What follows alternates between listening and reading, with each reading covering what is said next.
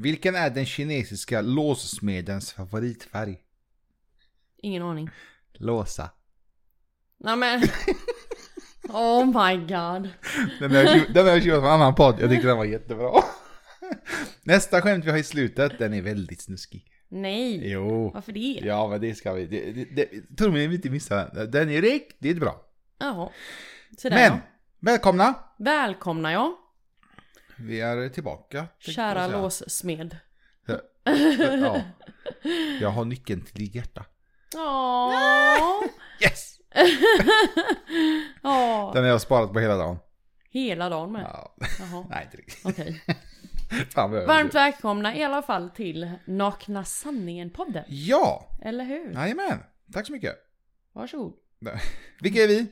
Ja, vad tror du? Vi är inte helt... eh, Normala? nej, jag tänkte, jag tänkte säga vi är inte helt bakom flötet. Men det är just det vi är. Vi Camille heter... heter jag. Ivan heter jag. Ja.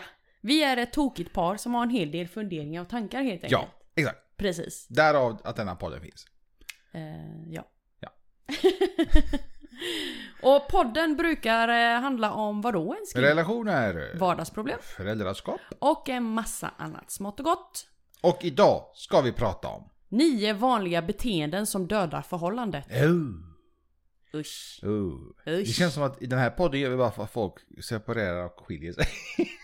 Nej. De inser hur Nej. åt helvete förhållandet faktiskt är. Nej. Ja men det känns så. Och vet du vad? Vi ska- Vi kanske ska prata nästa gång nio vanliga beteenden som inte dödar förhållandet. så vi är lite positiva. Ja, Någon gång. någon gång. Avsnitt 722 eller något. Ja, vilket avsnittsnummer är vi på älskling? Vi är på 55. Sjukt. Det är sjukt.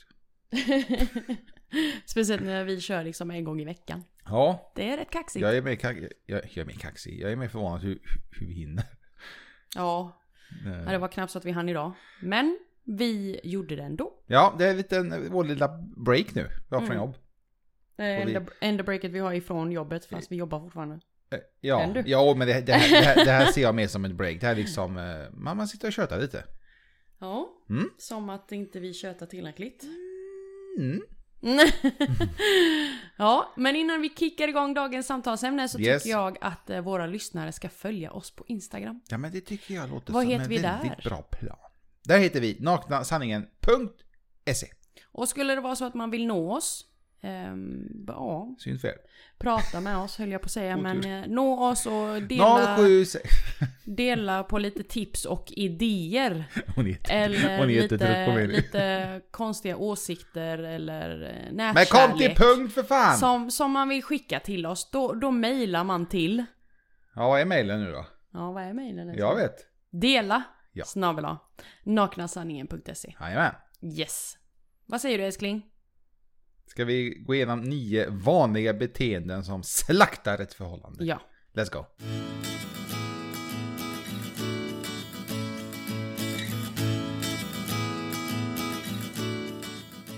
Nio vanliga beteenden Mm. som dödar förhållandet älskling. Denna gången har vi inte 36 punkter. Nej, vi har bara nio. Ja, Men, det, det räcker tydligen. men ändå tillräckligt mycket för att det ska bara springa iväg i tiden. ja, Men eh, punkt nummer ett, ska vi börja med den? det tycker jag. Mm. Kommunicera i tystnad. Wow. Vi ser redan ett och annat. Hmm. Hur, kom, hur kommunicerar man i tystnad då? Eh, man har mycket funderingar och tankar i huvudet som man inte säger.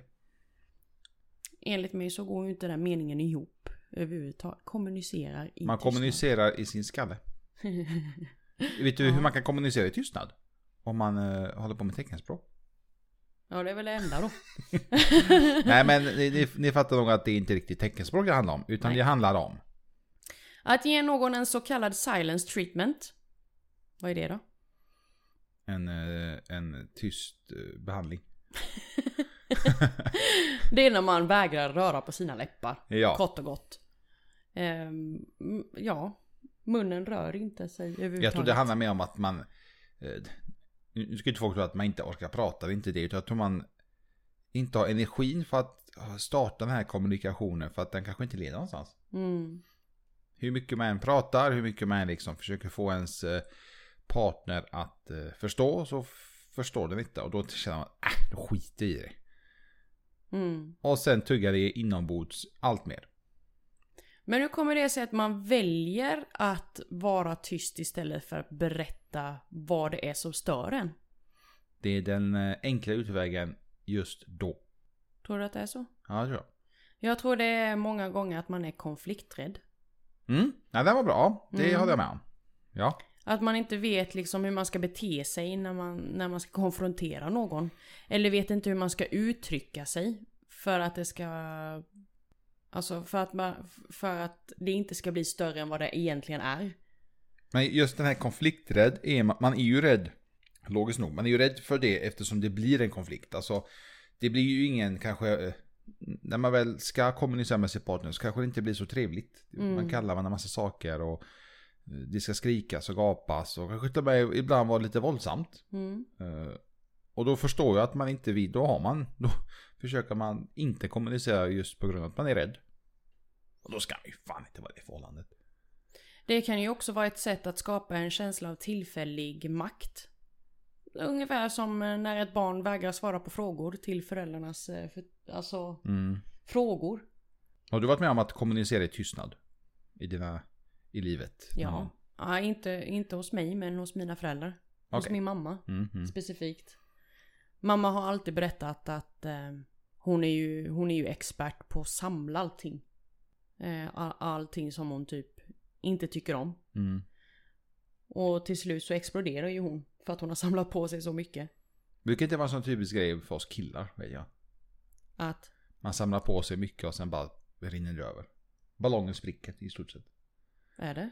Ja, eller kanske det bara är i min familj. Men jag vet att min mamma har sagt det ganska mycket att eh, jag var sån innan. Att jag vet, samlar på mig mycket grejer och sen sprängs ballongen. Och då, då helt plötsligt kan det vara en liten skitgrej att jag kommer inte ihåg ett bra exempel, men det kan vara en liten skitgrej som leder till att diskussionen blir något helt annat. Ja, för två månader sedan så gjorde du så här. Hur tänkte du då? Ja, men, kunde du tagit det med mig då? Varför, Mm. man, varför har man den tysta eh, kommunikationen istället för att säga som man tycker och känner? Mm. Men kan du relatera till det då? Inte idag. Nej. Tycker du att vi, tycker du att vi kommunicerar i tystnad? Mm, nej, inte vanligtvis. Okej. Vi, vi Men har ju en väldigt... då? Nej men vi har ju en väldigt bra kommunikation, det har vi alltid haft. Mm. Men förra veckan så hände ju någonting som jag blev helt förbluffad över. Som du inte har berättat för mig. Nej, okej. Ja. Ja. Men jag tror det där handlar mer om... Just den situationen var att... Jag tror det är en sån här grej som att jag typ skämdes. Mer eller mindre. Mm. Vet att man ska göra sin, min, sin partner. I, i- det här fallet så är det med att jag vill inte göra min partner liksom ledsen eller besviken eller typ. Att man ska... Ja, det är jättesvårt att förklara. Men jag tror det handlar mer om det här eh, att man skäms. Men upplevde du att mitt bemötande av, av eh, det du berättade blev så som du föreställde dig? Nej, alltså... För du jag- har förmodligen föreställt dig en reaktion från mig. Ja, Eller hur? ja, ja, men jag hade ju inte, jag hade inte förväntat mig någon reaktion på det sättet att, liksom, att det skulle skrikas, gapas, eh, glåpord eller Nej, liknande. men utan, du har ju valt att vara tyst och inte berätta det. Ja, Som du själv säger, det var delvis för att du skämdes. Men, men då kan jag ju lite sådär tycka att ja, men då har du föreställt dig i ditt undermedvetna eller kanske i ditt medvetna över att jag skulle reagera på något sätt. Om Nej, det är på jag- ett positivt sätt eller negativt Ja, sätt, jag- det vet jag inte men jag tror det handlar mer om att det blir den här besvikelsen mot, alltså... Jag vill inte göra dig besviken på grund av den anledningen, mm, till exempel. Så att jag tror det handlar mer om att jag vill liksom inte att eh, se och känna den besvikelsen från din sida på grund av eh, mina handlingar. ja, men märkte du att det var det du fick då? Nej, det fick jag inte. Nej. Så utan det blev ju tvärtom. Jag var typ, alltså, alltså vi gör inte om det. det blir lite som man säger till barnen. Mm. Tänk nästa gång vad du gör. Och då blir det liksom, ja jag vet. Nu ska vi, det ska, liksom inte upprepas. Mm. Ja. Tystheten leder, alltså bara till en olöst konflikt och sprider en bitterhet i relationen. Mm. Att man kommunicerar och eh, är tydlig är den enda hälsosamma vägen att gå. Sopar man under, eh, so, sopar man un, sopar man saker under mattan kan det till eh, slut bli lite svårt att städa upp all skit som man har samlat på sig. Man, man, man kan inte sopa, man kan inte liksom lägga hur mycket som helst åt sidan. Det är, Det, det är omöjligt. Det kommer i kappen i slutändan. Mm. Och det, det är ju så med allt, det är inte bara inom förhållanden. Det är ju inom jobb och karriär och med barnen till exempel. Liksom, hur mycket man försöker eh, dölja under mattan, som man säger. Mm. Så alltså, det kommer i kappen, tyvärr. Mm. Eller tyvärr är det inte. Lika bra att lösa det då på plats. Nu gör jag det misstaget, jag gjorde inte det den här gången. Men jag har lärt mig det. Precis. Punkt nummer två. Mm. Använder elaka ord som sårar. Ja, det är inte bra. Nej. Nu låter jag väldigt oseriöst, men jag menar alltså verkligen det. det är, när elaka ord bara komma till varandra så är det... Jag använder inte ens elaka ord eh, på det sättet till mina vänner. Jag säger inte typ "Ja, jävla kuk, kom nu så ska vi gå. Oj. Ja, ja men det sa man när man var yngre. Eller jag gjorde i alla fall det. Mm. Eh, Men det gör man inte längre. Alltså, idag blir det mer så här, det när man hör... eh, Nu tar inte nå- några av våra vänner som är i förhållanden, kallar man dem så här, såna här jag säger glåpor, men elaka saker som sårar. Eh, Men man har ju hört när man varit typ handlat och liknande, hur ett par kan liksom bråka och verkligen, då kallar man allt möjligt. Typ mitt på Ica. Jag tycker att när man går så långt där man kallar varandra allt möjligt. Då har man väldigt stor brist på ordförråd. Mm. Faktiskt. Det, det kan vara extremt skadligt för förhållandet att gå över den gränsen och såra din partner något fruktansvärt genom att bara vara verbal. Det är inte schysst. Så tänk efter. Eh, Det är väldigt lätt att man eh, använder det verbala när man blir frustrerad Mm. och, och arg och allt det där.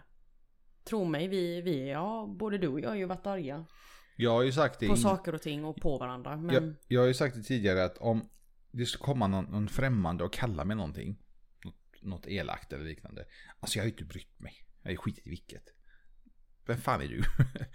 Men att någon vi ser vänner eller familj eller liknande liksom bara att kalla en eller förnedra en eller liknande. Det, det är då jag tar åt mig mycket, mycket mer ju. Och liksom, det finns ju ingen anledning. mm. Det... ja, Jag fattar inte. det går liksom inte att, eh, att reparera någonting som man har lyckats eh, såra. Min, min, tanke, min tanke är, alltså varför skulle jag kalla dig för massa elaka saker som jag vet sårar dig? Alltså vill man såra sin partner, då, då är ju det åt fel håll. Mm. Det är helt, alltså. Mm.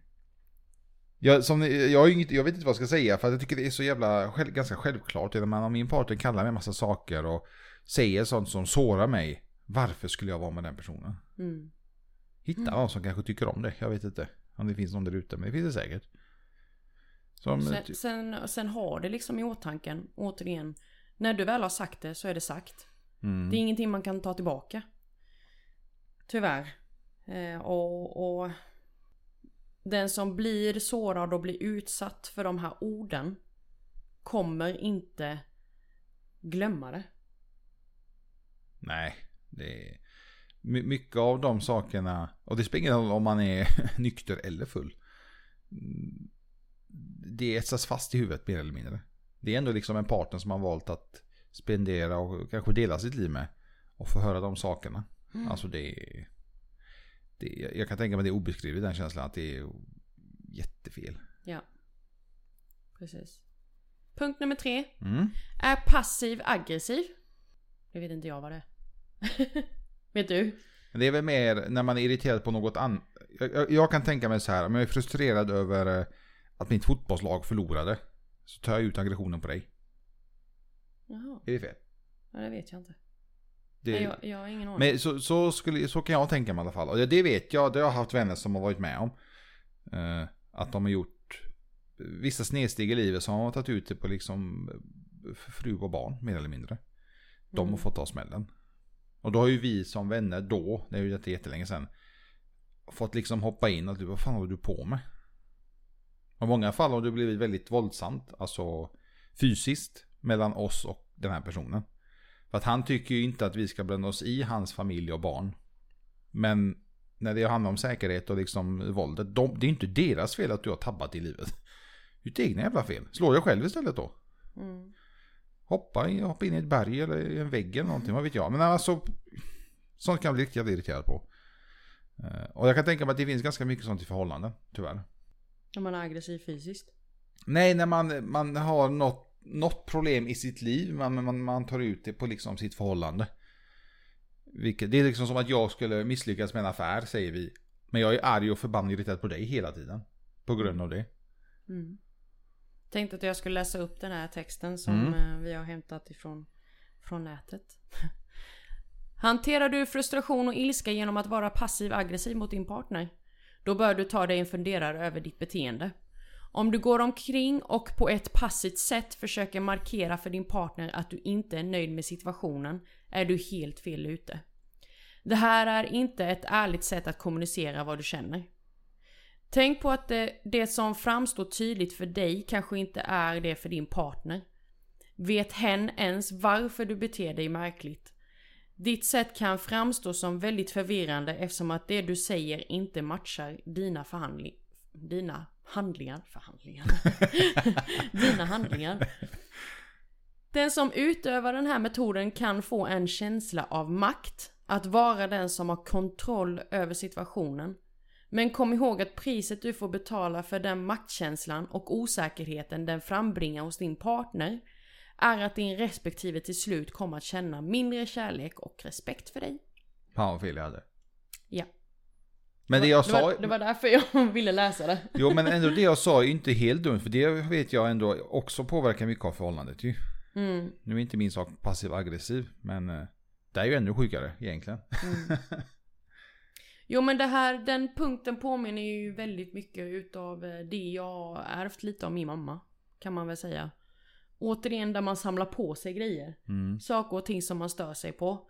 Och sen helt plötsligt så kokar jag över. Och då helt plötsligt så går jag där och muttrar och blir lite frustrerad på alla de här små grejerna egentligen som jag har samlat på mig. Eh, utan att till exempel tala om för dig eller för pojkarna att så här ska inte den här eh, smörkniven ligga liksom. Mm. Och den, det fatet ska inte vara där. Och den saxen, vad gör den här? Och vad gör den leksaken där? Och bla bla bla bla bla. Vad Men vet du vad jag tror då? Jag tror att om man känner man det i ett förhållande. Jag menar hade jag märkt på det att du börjar klaga på sådana skitgrejer, smörknivar och allt det här. Du hade sagt, alltså älskling, sätt dig ner, du, vad, är, vad är ditt problem? Vad är det med dig? Och jag tror det är, det, liksom, det är lite det det handlar om också, man måste liksom sätta varandra lite på plats ibland. När det är sådana situationer, vad, vad, vad är det som har hänt? Mm. Och då kanske helt plötsligt så öppnar man upp sig och man tummer den här ballongen på luft istället för att den sprängs. Sakta men säkert. Och då pratar man om kanske väldigt, väldigt mycket grejer. Men det är det här, det kan inte vara en tyst kommunikation.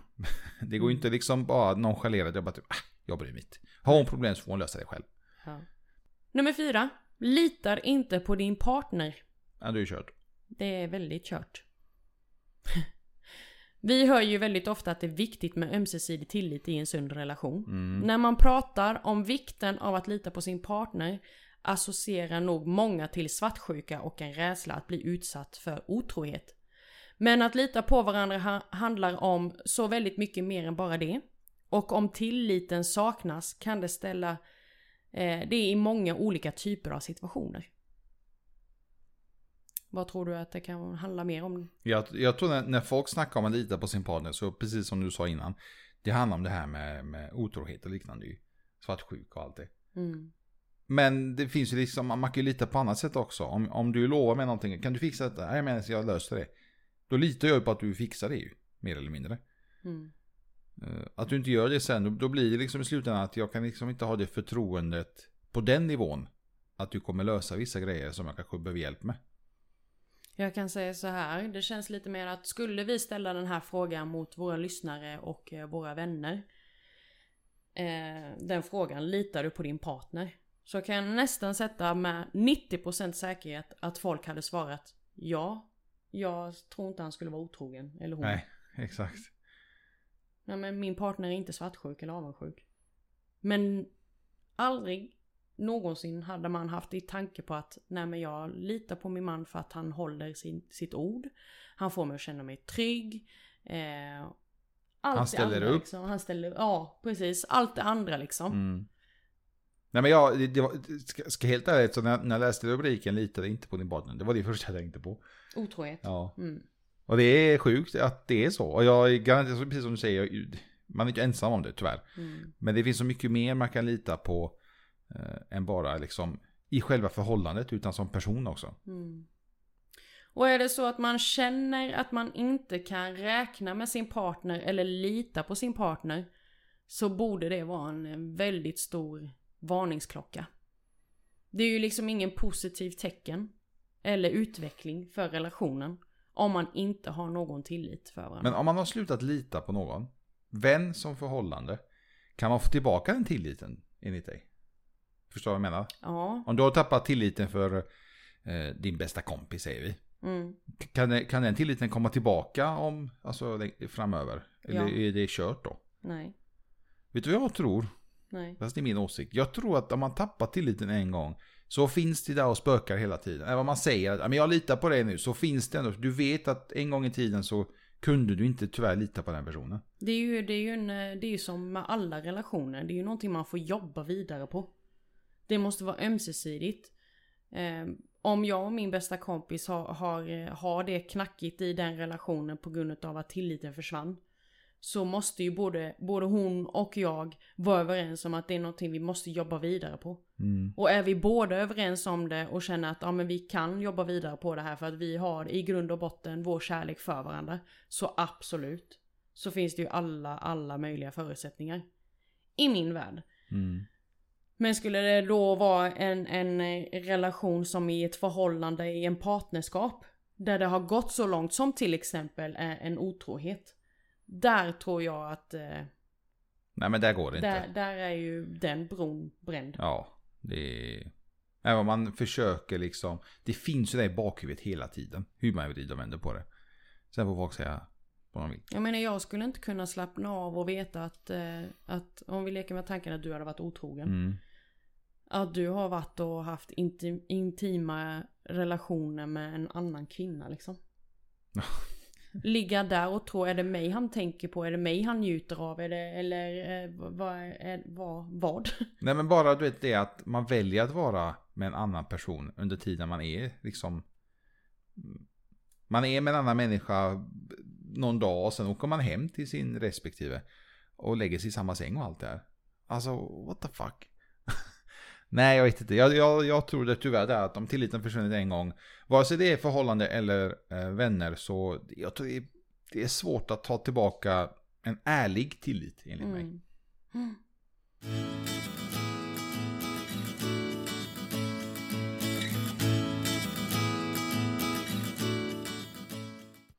Punkt 5.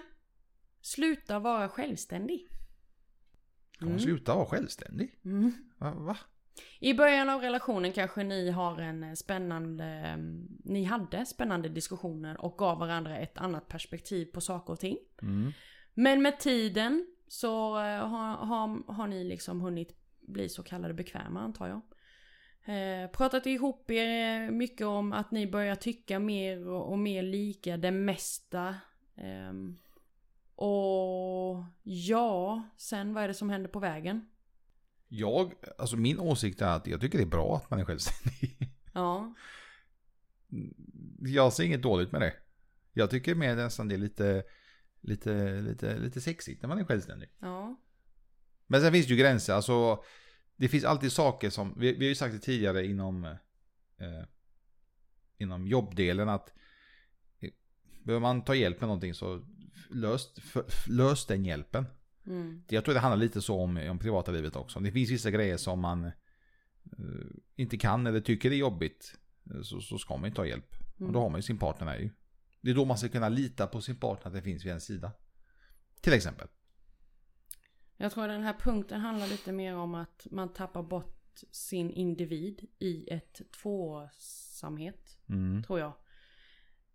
Mm, det är nog inte helt ovanligt att man tappar bort sig själv. Lite när relationen har pågått ett tag. Ni är plötsligt ett vi i allt fler situationer och snart vet ni knappt vad ni tycker utan att stämma av med varandra först. Men försök att inte låta det gå så långt. Att behålla sin självständighet är en viktig del i en relation. ehm, I att relationen ska fortsätta att vara sund och blomstrande. Jag tror det kan handla mycket om det här. Till exempel och vi leker med tanken mat säger vi. Och sen, "Älskling, vad vill du äta idag? Och så säger ja men eh, bestäm du. Och då tänker jag kanske i mitt huvud typ, ja men okej, vad skulle, vad skulle min älskling vilja äta? Istället för att tänka lite självständigt att vad skulle vi typ båda två tycka om eller vad skulle jag vilja äta just nu? För att jag vet att du kommer inte klaga sig typ nej fy fan det vill jag inte äta. Det var det äckligaste. Det blir så mycket, som, precis som du sa, mycket vi. Man, eh, man tänker på vad man tillsammans vill hela tiden. Mm. Precis. Men det där är inte lätt. Och bryta sig loss därifrån. Nej. Din partners uppgift är inte att fullända utan att komplettera dig. Det tyckte jag var fint. Mm. Faktiskt. Det var väldigt bra sagt Det faktiskt. ska jag ta med mig.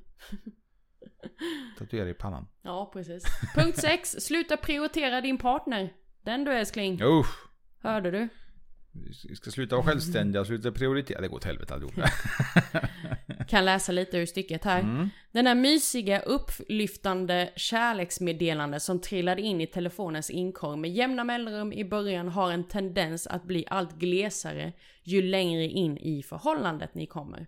Precis som de spontana överraskningarna och gulliga lapparna ni brukade ge varandra. Det kan vara en god idé att se över dina prioriteringar och hur det påverkar relationen med jämna mellanrum. När den där nykära fasen är över är det lätt att bli bekväm och sluta anstränga sig. Förlora inte greppet om vad som är viktigt. När relationer håller och fortsätter att vara kärleksfulla över en tid sker det inte automatiskt. Utan det kräver att man jobbar för det. Du kan eh, inte vara passiv och bara låta relationen rulla på. Utan det krävs att ni båda har en aktiv roll och tar ansvar för att förhållandet ska utvecklas. Glöm inte att visa för din partner att du bryr dig om honom eller henne och det ni har tillsammans. Jag tror det där är en återkommande grej som vi säger i, i vår podd. Att man inte ska ta varandra för givet. Jag tror det är nästan det viktigaste. Eh, inte förvänta sig en massa grejer hela tiden. Mm. Utan kommer någonting så är det verkligen en dunderöverraskning. Oftast kanske till det positiva. Jag menar vi är ju snart på väg till vårt femte år. Och jag, och jag känner liksom att de här, Ja, det går åt helvete. Vi är redan på alla punkter passar in på oss. de här mysiga upplyftande kärleksmeddelandena. De har ju inte slutat existera direkt. Nej. Nej. Men det är också någonting, i mitt fall i alla fall, jag tänker inte på det utan det är så natur- naturligt. Mm. Det, är, det är inte så att man måste, åh, nu har jag inte skickat på en vecka, nu måste jag skicka någonting. Och de här spontana överraskningarna och, och våra dejter. Alltså det är, de är där.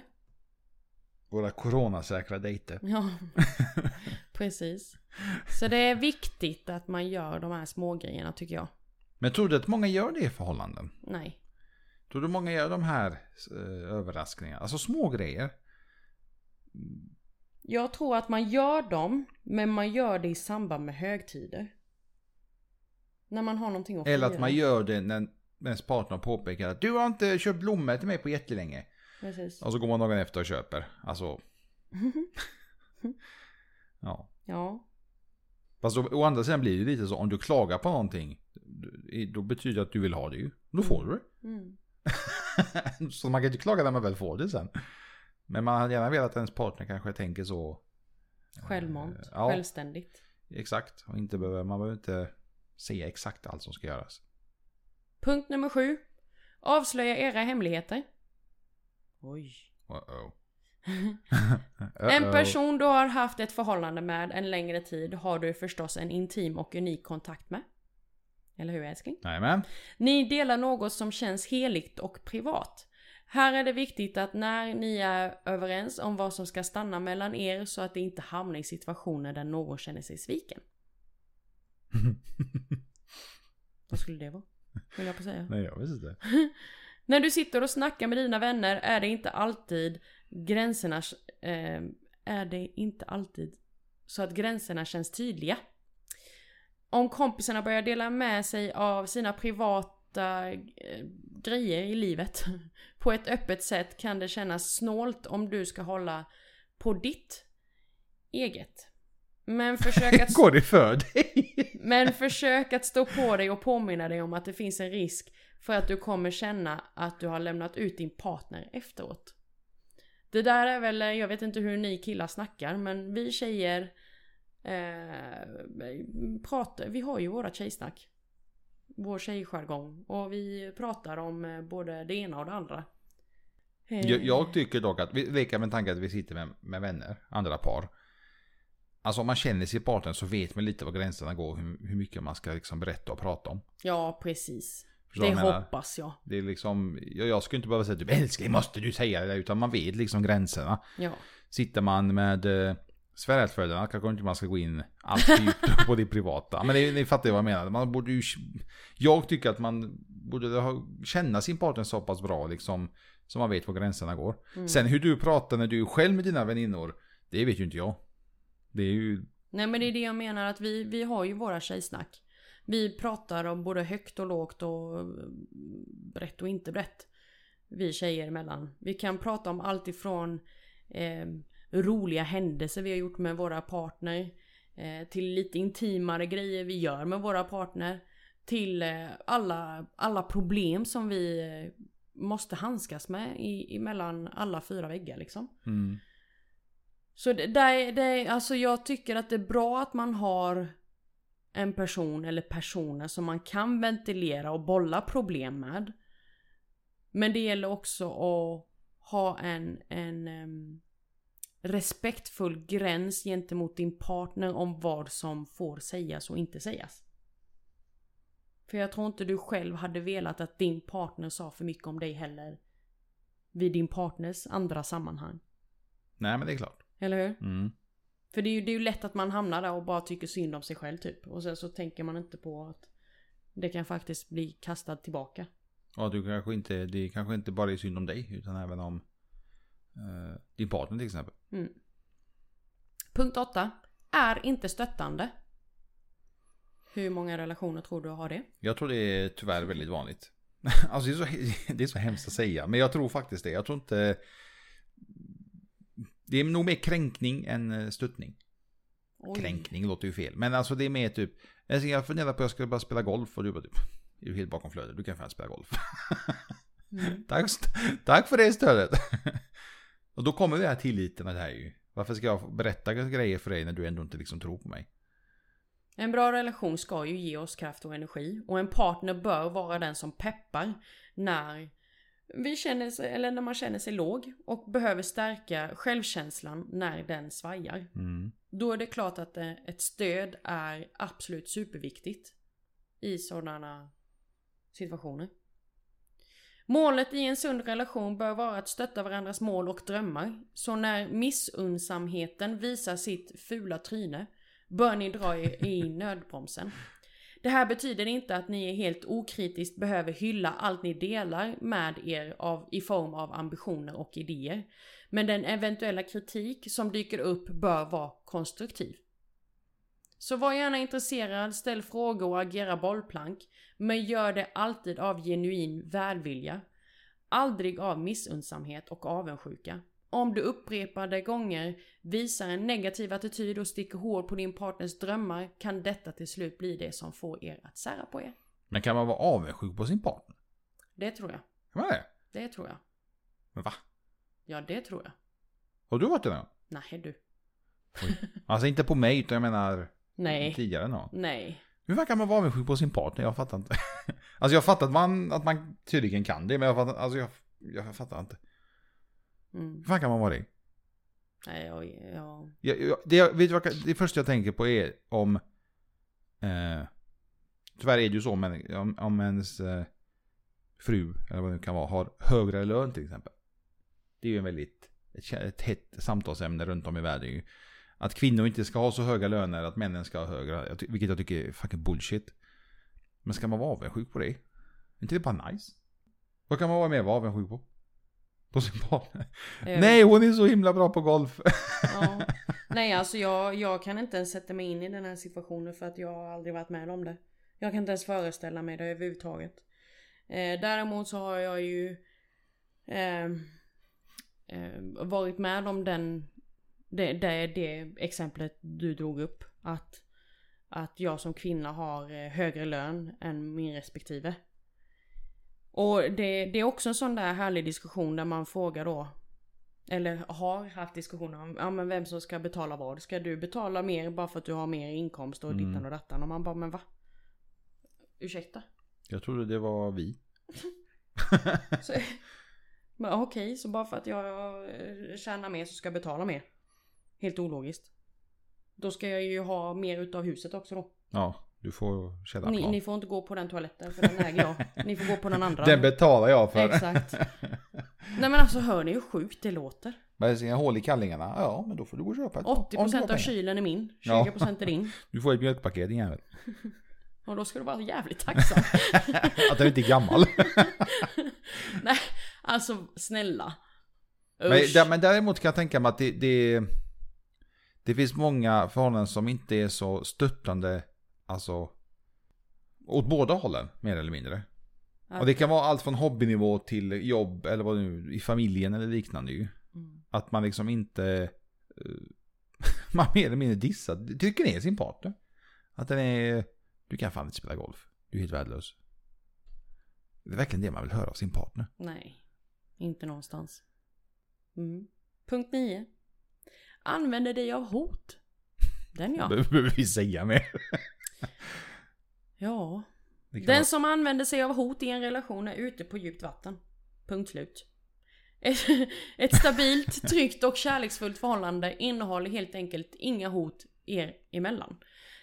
Då kommer det att börja svaja. Viljan att satsa fullt ut på relationen och göra allt för sin partner riskerar att bli svagare. Ett hjärta vågar helt enkelt inte lita på en annan person till 100% om hen exempelvis hotar med att göra slut varje gång ni bråkar. Oj, nu lät det lite så här fjortis... Eh, Jag är slut. ja, fjortisförhållande. Så här, först så frågar man chans på varandra och så med kryssar någon ja istället för nej. Och så när man väl är där och så är man puttinutt gulligull. Och sen så kommer första bråket och så säger han eller hon jag är slut med dig nu. Alltså va? Men jag, man har ju hört väldigt mycket eh, dokumentärer och filmer, inte filmer, men dokumentärer främst hur det varit tyvärr i många fall kvinnor som blivit misshandlade av sina män och inte, de har liksom inte lämnat personen. För att då säger de, ja men jag älskar honom så himla mycket. Mm, Okej. Men han liksom piskar ju upp det varje vecka. Mm. Det måste vara jävla kärlek alltså. Mm. Eh, jag tror att det handlar mer om rädsla, om man inte vågar. Vilket också är helt sjukt att man liksom är i, med en person i skräck. För att inte bli eh, misshandlad eller slagen. Ja men tror du att det är så vanligt att använda sig av hot då? Om att man, man eh, bara för att man bråkar eller är irriterad över någonting. Och så säger man nej men. Jag ska piska jag upp dig. Nej men jag lämnar dig. Men om jag hotar dig, Mm. hade du velat vara med mig då? Men alltså nu, ja. Nej. Om vi bråkar och jag säger till att jag ska piska upp dig. Nej. Nej det hade jag inte. Så jag menar så fort ett hot ens nämns eller en hand höjs eller liknande, då är det bara tack och hej. Tack och hej ja. Det- dig. Hot är ju faktiskt eh, olagligt. Det är ju polisanmälan på det ju. Ja det är det. Så att, eh, tänk på det. Mm. Sen tänkte jag att vi skulle avsluta med lite övningar som kan stärka er relation. Det är du. Uh-oh. Kan vara lite bra för oss också kanske. Okej, ja. Låt höra. Eh, alltså det, detta är ju känt sen innan att, att par som kämpar och har det jobbigt så är ju parterapi ett jättebra alternativ. Eller hur? Mm, de säger det. De säger det. Vi har inte varit där själva, men det sägs. Och det är ju... Alltså vad man än läser så sägs det ju överallt typ. Parterapi är bra grejer. Det är bra shit. Så testa det om det skulle vara ett sätt att stärka er relation. Annars så har vi lite övningar här som jag tänkte att vi skulle dra upp. Det är fem stycken. Första är att sluta kritisera. Det finns en rejäl skillnad på kritik och konstruktiv... Konstruktiv... Åh herre, jag kan inte läsa. Konstruktiv... Konstruktiv kritik. Fokusera på att stärka det som din partner gör rätt och erbjud konstruktiv kritik när något bör rättas till. Vet du hur det funkar hos oss här? Nej, När jag ger dig konstruktiv kritik. vad? Då säger du alltid Älskling, du lyssnar inte för att förstå. Du lyssnar bara för att lyssna. Det gör mig så jävla irriterad. Jag hatar när du säger så. Och då säger jag bara nej. Lyssnar du nu på vad jag säger? Och säger du nej, du lyssnar inte på förstå. Och då skiter jag i det. Då blir det den tysta kommunikationen, eller vad den kallades. Mm. Just det. Så funkar det hos oss. Japp. Skärp ner sig, får inte säga så. Sluta kritisera är Exakt. alltså nummer ett. Två. Jag, inte du. Det här är nog en, en, övning som kan behöva övas livet ut. För det är någonting som jag vet att både du och jag behöver jobba på. Inte bara som relation, inte bara som individer, men även som föräldrar. Okej. Istället för att säga du gör fel, byter du till jag blir sårad, ledsen, arg när du gör så här. Fast det brukar du faktiskt säga ibland. När jag har sagt någonting så brukar du säga alltså älskling, du, du gör mig faktiskt ledsen nu. Har du sagt. Till mig. Nej, inte du gör mig faktiskt ledsen. Utan jag brukar säga jag blir ledsen. Ja, nej men det, Det var du, just det vi skulle Ja, byta. men du säger du att, att, ja, att du säger att jag gör dig ledsen. Men det blir ju att det handlar ju om dig ju. Mm, I slutändan. mm. Bara att du inte säger jag. I alla fall, istället för att säga du gör fel så byter man ut det till att jag blir ledsen, sårad eller arg när du gör så här. För ändrar man om det så blir det så att man äger sina känslor och delger sitt perspektiv i det. Det låter jättesvårt. Alltså att börja säga så. Det, det är bara ett, ett beteende som måste omvandlas. Ja, men bara. Det, ja, Ja. det, det låter luck, Chuck. väldigt lätt. Men det är för att vi har blivit inprintade älskling sen vi var så här små. Av våra föräldrar.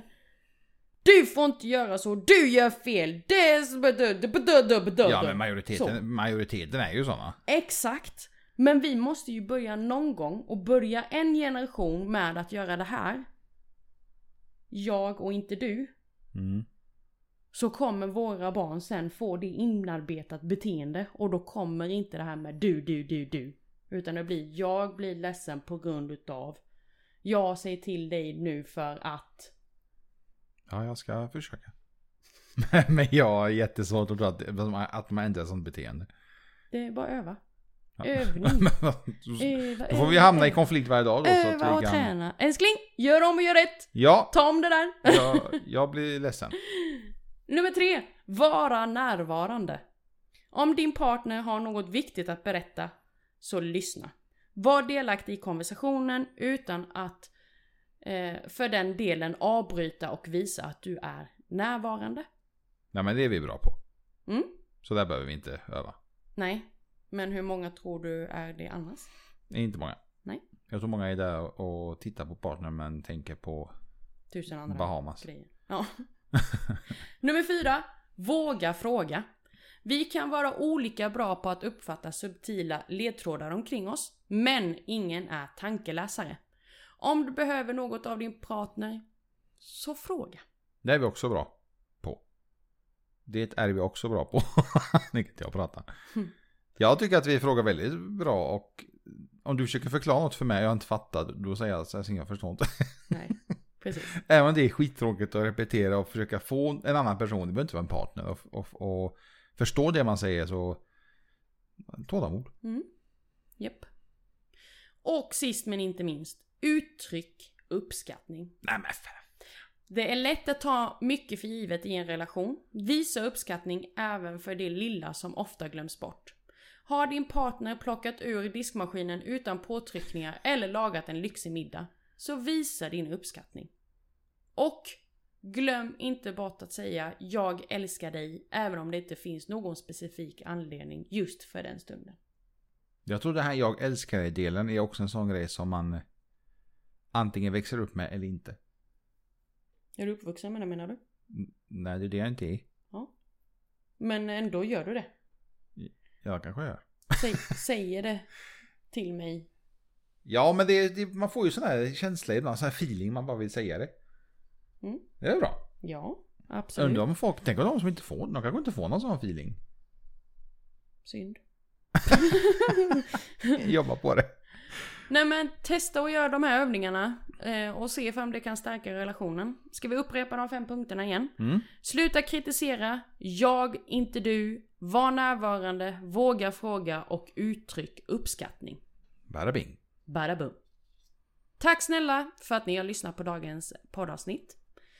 Eh, kring, eh, ja, nio vanliga beteenden som dödar förhållanden. Så då, idag var vi inte så knasiga. Nej, Vi höll oss till eh, samtalsämnet. Ja, precis. Glöm inte att följa oss här på podden. Vi släpper ett nytt poddavsnitt varje torsdag. Och följ oss även på Instagram. Där heter vi Naknasanningen.se Älskade gott folk. Vi är snart fullt vaccinerade höll jag på att säga. Men vi, eh, vi är snart vaccinerade allihopa. Halleluja. Men fortsätt håll avstånd Tvätta händerna. och var rädda om er. Okej, är ni med på ett snuskigt? Nej. Jo, men det, ja, men det är inte så snuskigt. Det är bara snuskiga ord. Pelle till mamma. Mamma, vad betyder fitta? Nämen. Eh, det betyder gäst, lilla gubben. Men vad betyder kuk då? Hmm, eh, soffa, lilla gubben. Aha. Men vad, vad, vad menas med knulla? Uh, det betyder att man lagar mat. Men nu vill inte jag förklara fler ord för dig idag, min lille vän. Ut och lek med dig! Till helgen fick familjen besök av makens jobbkollegor. Pelle öppnade när det ringde på.